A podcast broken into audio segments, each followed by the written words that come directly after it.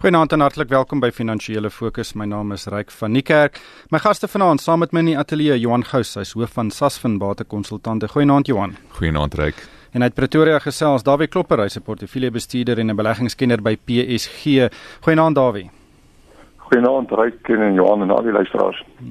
Johan, ek wil begin met die interessante tomo die Tomorrow konferensie. Dit is natuurlik die konferensie wat Suid-Afrika in Amerika aanbied en dan met 'n hele klomp Amerikaanse beleggers gesels um, en uh, dit is 'n uh, natuurlik die groot bemarkingsgeleentheid vir Suid-Afrika om veral uh weet beleggings uh, of of beleggers te kry om hier te kom belê meestal in die aandelemark en in die in die effektemark um, en uh 16 groot instellings van Suid-Afrika was daar. Daar was baie groot staatsbeheerde instellings soos Eskom en Transnet, Malusi Gigaba en Lesetja Kanyagu van die Reserwebank was daar. Ehm um, en verlede jaar was die onderwerp ons is oop vir besigheid. En dan het net natuurlik toe Pravin Gordhan daar was en hy het daai hele uh, besigheid leierskap Suid-Afrika en die CEO of die CEO initiative daar gehad. Um, ons het 'n verenigde front gehad en hierdie jaar was dit nie die geval nie en En ek het met Newton, Nikki Newton King van die JSE gesels en sy het basies gesê luister ons boodskap is ten minste is ons deursigtig ons vertel vir die mense wat die foute is in Suid-Afrika. Wat het jy wat is jou indrukke? Ryk van wat ek verstaan ehm um, was hierdie maar was die atmosfeer maar 'n bietjie somber geweest. Hierdie is nou die 5de jaar wat ons hierdie konferensie hou. En ja, ek dink absoluut ongelukkig het meneer Gigaba en meneer Kanyagu met hulle rug teen die muur bietjie ehm um, begin of afgeskop met hierdie konferensie. Uh ek weet net ek gaan Jago het net weer probeer die boodskap oorbring om te sê dat daar is nie net negatiewe nie, daar's ook positiewe punte in terme van waar die land homself vind in terme van die ekonomie ensovoorts. En ek dink die belangrike vraag het weer opgekom oor die onafhanklikheid van die Reserwebank. So as daar een boodskap was wat ek dink uh, meneer gaan Jago byvoorbeeld wou oorgekry het is om te sê luister, jy weet, die Reserwebank is nog steeds onafhanklik. Ons gaan nog steeds op ons mandaat fokus want daai vraag het weer opgekom rondom jy weet die mandaat en en weer eens die onafhanklikheidskwessie. En ek dink dat dit so so duidelik as moontlik probeer antwoord. Maar jy weet dan kyk jy na wat wat daar gepraat word en wat hierdie week weer hier gebeur het in terme van die kwessie rondom gratis onderrig en weer eens is daar hierdie ehm um, jy weet daai verskille wat wat nou deurkom en daai onsekerheid bly skep by buitelandse beleggers oor werk ons werklik saam werk ons met 'n plan Ja, Dawie, ek kon nie help dit om te glimlag toe ek uh, Lesetja Kanyago se toespraak gelees het nie en hy het basies gesê, luister, is maklik om ons ekonomie te red.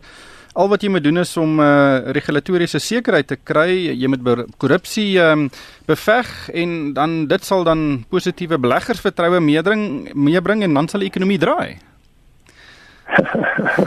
dit is interessant dat hy dit so eenvoudig stel. Maar ek dink diep onder in sy woorde is daar of daar's baie meer diepte in sy woorde in as dit wat hy daar kon gesê het. Hy het weliswaar ook op die konferensie die uitdagings waarmee hy te kamp het uitgewys, die, die uitdagings waarmee ons te kamp het uitgewys. Hy het genoem dat daar 'n gebrek aan vertroue is en hy het ook genoem dat hy is maar bekommerd oor die impak wat die wisselvallige rand eintlik van die swak rand op inflasie het en op inflasieverwagtinge het.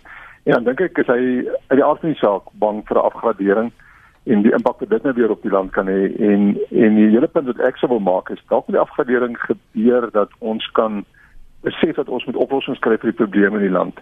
As hy uitwys na die korrupsie, so kort tyd dan verwys hy ook maar na die um, boek van Jacques Pau en alles wat daar uitgekom het en die duidelikheid van die ehm um, van hoe erg en hoe diep ons probleme is en dit moet opgelos word. Daai vlug na York toe is 'n lang vlug. Ek het hom al al 'n paar keer gevlieg en ek is seker baie mense het daai boek gelees op die vlug. Maar Johan, dit is van die veronderstelling dat uh dinge gaan beter gaan of ons gaan harde besluite moet neem as ons afgegradeer gaan word. Maar gaan dit die geval wees want ons praat nou al oor hierdie moontlike afgradering en mense moet begin beter besluite neem hierdie regulatoriese ongeruimthede uh oplos. Uh, hoe hoe sien jy die volgende 2 jaar? Ek weet dit is nou 'n moeilike vraag om te vra, maar wat sien jy in jou kristalbal? Ryk, jy weet ek ek is die ewige optimis, maar in in ek wil amper begin wonder kan ek nog enigstens iets positief sê op hierdie stadium, maar die feit is ek voel ons is besig om na infleksiepunte te beweeg. Daar gaan ons of dit nou gaan wees Desember en ons almal hoop dat daar 'n redelike verandering sal kom in die huidige regerende party en die spelers daarso en dat hulle die nuwe mense wat daar in uh, weet um, uh, aan, aan bewind sal kom, sal ons op die regte pad begin lei. As dit nie gaan gebeur nie, volgens my is die volgende plek dan waar ons op 'n plek gaan waar ons die afgraderings gaan kry, ons fiskale situasie gaan ons op 'n plek plaas wat ons na die internasionale monetaire fonds sal moet gaan en gaan aanklop vir finansiële hulp net om ons ekonomie aan die gang te hou, ons ehm um, salarisse te kan betaal ensovoorts. En wat dan sal gebeur is dan sal die internasionale monetaire fonds en die wêreldbank vir ons vertel hoe moet ons ons geld bestuur en ons gaan as nie meer noodwendige keuse hê van hoe ons dit gaan doen nie. Dawie, hoe, hoe sê nou maar die graderingsagentskappe moet nou op die 24ste dink ek gaan hulle aankondig of daar enige veranderings aan ons um, graderings is en, en ek dink dit is taamlik 'n uitgemaakte saak dat ons uh, afgradeer gegradeer gaan word. Hoe dink jy gaan die dominos dan val? Ja, ek dink ehm um, goed, ek dink die mark, die rand prys dit op 'n sekere manier reeds in dat dit wel so gaan wees. So en dan ehm um, dink ek gaan daar mos nou 'n groot ehm um, uh, boei wees daaroor en daar gaan baie negatief daaroor geskryf word. Dit gaan 'n baie negatiewe impak op die regerende partye en dan kan die situasie ontstaan soos wat mense dan wil dink dat die dat dat daar teens 'n terugstoot gaan kom. Die, dat die vraag gevra gaan word, maar hoekom het dit gebeur? Wat het wat het hiertoe aanleiding gegee? Ek ons almal weet wat dit is en dan die vraag net kan ehm um, Jacob Zuma se se se se span en sy party en die die alternatiewe regering wat hy daar laat maak staan het um, omvergewerp word. As gaan ja goed president van die Reservebank China verwys dat daar korrupsie moet gestaak word, dan is dit China waarna hy waarna hy verwys. Ek so tuig daarvan. En dan gaan dit moet aangespreek word en dan gaan ons moet begin sê wat gaan ons doen vir die volgende 4, 5 jaar om weer uit hierdie afgradering terug te kom weer tot by beleggerstatus. Want die probleem is net dat dit gaan nie net oornag weer reggestel word as sê maar meneer Ramaphosa in Desember wen nie. Ek dink nie dan moet daar eers weer 'n klomp werk gedoen word voordat ons kan bewys dat ons is geloofwaardig en en beleggerswaardig. Die punt, die ander punt wat mense net wil maak is dalk gee hulle nog 'n kans tot die Desember konferensie om net te kyk wie wen die die verkiesing daar en dis dalk ons laaste kans. Ons het al baie laaste kansse gehad en ons het dit ook al bespreek hierso. Maar eh, maar Johan, een van die probleme wat ons het is die uh, Suid-Afrikaanse Inkomste Diens wat ons het so wat met die mediumtermyn begrotingsoorsig gehoor ons gaan omtrent 50 miljard rand minder belasting insamel as wat ons wou um, in die huidige boekjaar en dis 'n geweldige tekort. En toe het Malusi Gigaba hierdie week 'n ondersoek um, gelas na die doeltreffendhede binne die Suid-Afrikaanse Suid-Afrikaanse in, Inkomste Diens. Dis 'n groot aankondiging. Dit is 'n bietjie met skeptisisme beheen. Wat is jou mening? Dink jy hier gaan iets uitkom? Ja, ek weet reg, ek dink dit is dis hartseer om te sien hoe so 'n uh, organisasie of 'n uh, instelling gegaan het van 'n plek waar dit onder Pravin Gordhan was en so effektief en so suksesvol was in terme van die invordering van belasting. Nou in hierdie breë uh, spektrum van waar ons nou kyk na 'n morele verval basies van die bokant af van ons regering is daar is dit sodat baie belastingbetalers nou begin begin sê maar hoekom moet ek noodwendig weet my my belasting alles verklaar en betaal as ek vind dat ons regering nie ons land op 'n manier lei wat dit vir my ekonomies noodwendig meer so voordelig is nie as daar soveel verkwisting is? So dan begin jy in daai tipe van morele dilemma kwessies betok, betrokke raak as 'n individu die man op die straat. So um, om te gaan kyk na wat hoekom uh, is word dan nie meer in, inkomste um, ingevorder nie. Ons weet dit is die ekonomie ekonomie, maar dan dink ek is dit daai hele kwessie van maar hoekom sal ek noodwendig weet al my belange verklaar en nog meer belastinggeld ehm um, betaal waarvoor ek nie noodwendig uh, enige voordele noodwendig voorsien nie. Ja, daar is Suid-Afrikaners is oor die algemeen goeie belastingbetalers. Ons belastingmoraliteit is relatief hoog. Maar op die oomblik uh, doen die SAID homself glad nie gunste nie en veral nie die die aantuigings van korrupsie reg in die regering. Jy het baie mense voel ek wil nie betaal vir sodat dit nie weer gesteel word nie. En ek het vandag 'n rapport ook gelees, daar is iemand wat 49% geskuld het vir SARS en hy word nou opgeskroef daaroor. Jy weet, sulke tipe goed maak net mense bietjie meer nog deeltyd meer bitter. Ja, en dit vernietig die die SARS se status, reg soos jy genoem het. En, en die vraag wat mens wil die kamer moet vra as hy as hy hieroor praat, sy eie geloofwaardigheid is is nie is nie heeltemal sterk genoeg nie as sy geloofwaardigheid sterk genoeg was, sou dit 'n baie positiewe ding gewees het. Dan moet mens vra as hy ernstig speel uit politiek hierso, waarmee hy besig as hy hierdie ondersoek ehm um, van stapel wil stuur. En en die punt is net ehm um, die land lê onder die onvermoë wat nou by SARS ontstaan het om belasting te vorder. Duidelik in Jacques se boek is het hulle klomp mense laat wegkom om nie meer belasting te betaal nie Ek lees dit, ek is ongelukkig daaroor. Ek wil nie verder betaal vir hierdie um, wanaanwending van die geld wat ek met my swaar verdiende geld nie. So ek, ek gaan ook my beste probeer doen, seker om te kyk dat ek so min as moontlik wettiglik belasting betaal. Jy weet reg en, en en dis die punt wat uh, wat Dawie ook genoem het, weet die vraag is nou, elke keer as daar iets gesê word, moet ons wonder wat is die bedoeling daar agter? Is dit polities van aard of is dit werklik om die situasie te probeer aanspreek? En en dit is net waar ons onsself nou in die politieke moeras vind met die regering waar hy is. Ons is so intern gefokus dat ons kan nie enige van daai belangrike besluite neem wat ons land se ekonomie op 'n volhoubare basis van groei gaan kry nie. Hmm. Johan, ehm um, die, die ANC se nasionale uitvoerende komitee het nou vergader hierdie naweek uh, en ek ek neem aan baie van hierdie of hopelik was baie van hierdie kwessies op die agenda. Wel, ek weet nie. Ek mis so hoop, uh, ryk maar dit het vir my gelyk of daar twee groot kwessies op die agenda klaar sou wees en dit was gewees om meneer uh, Mantashe op die vingers te tik oor wat uh, gebeur het met die ANC uh, se verkiesing daar in die Oos-Kaap en dan was dit gewees meneer Ramaphosa om hom op die, op die vingers te tik vir die feit dat hy nou laas naweek al uh, vier van die top 6 amptenare wat in sy gedagtes is, uh, daar moet wees uh, na die verkiesing in Desember net gepraat van Pandor en Mchunu en Mantashe en dan uh, Masachile en en daar was baie groot ongelukkigheid daar. So ek hoop nie daai agenda punte was te lank uh, bespreek gewees nie en dat hulle hooplik werklik by van die kwessies uitgekom het van hoe hulle hierdie land op 'n behoorlike pad van herstel gaan bring. Hmm. Daarby hoe, hoe lees jy op die oomblik hierdie interne dinamiek in die ANC? Ja, ek dink wat ek sou wou dink wat daar gebeur by hierdie vergadering is ook beslis gegaan oor die nominasieproses wat aan die gang is en ehm um, of dit wettig is en of dit beheer kan word en of daar inmenging is en of daar omkopery is rondom dit. Want dit het al van tevore gesê dat hy het hierdie proses ehm um, hy beheer hierdie proses goed en um, ons moet ook en ek het ook al om geluister wat baie dit gesê het uitgestel presies watter stappe moet gevolg word voordat 'n persoon nou benoem kan word.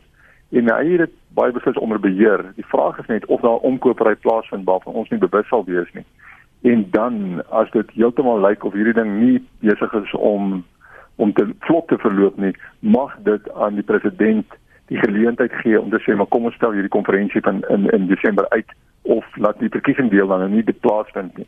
En dit is die ding wat ek dink die verder die, die vierde scenario, die die scenario waar die verkiesing nie plaasvind nie, waar die land verder kan ontwrig en wesentlik kan ontwrig as dit gebeur. Dit is nou nie meer 'n black swan event nie wat ons of 'n swart swaan gebeurte is nie, want ons verwag dit nou al, maar dit sal die skok skokkende uitkoms wees van dit wat die ANC eintlik volgens sy eie grondwet moet doen. Davie, wat, wat jy sê nou dit gaan die rand die landskade berokken. Wat dink jy gaan gebeur as daai konferensie uitgestel word? Uh die impak op die ekonomie altans.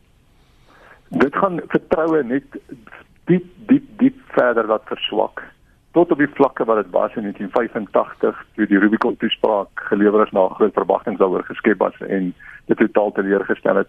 Ons gaan dieper as dit afgaan en ehm um, dan gaan ons 'n klomp geld in land sien uitvloei. Want dan is dit duidelik dat meneer Zuma in beheer is en nie in beheer is omdat hy die beste vir die land ter wille eh, ter wille of die land se beste belange vooropstel nie, maar sy eie belange vooropstel en wil verhoed dat hy aan die pen ry vir die dinge wat hy dan in die verlede gedoen het. So dit sou 'n groot skaal groot negatief wees.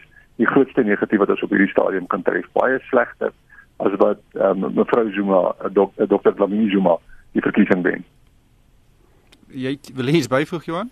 Nee, wat ek dink reik net weer eens as so iets sou gebeur, dan is dit maar net 'n verlenging van hierdie absolute uh politieke moeras soos ek sê, wat waarin jy net basies nie kan vorentoe beweeg nie. Ons kan nie besluite neem nie.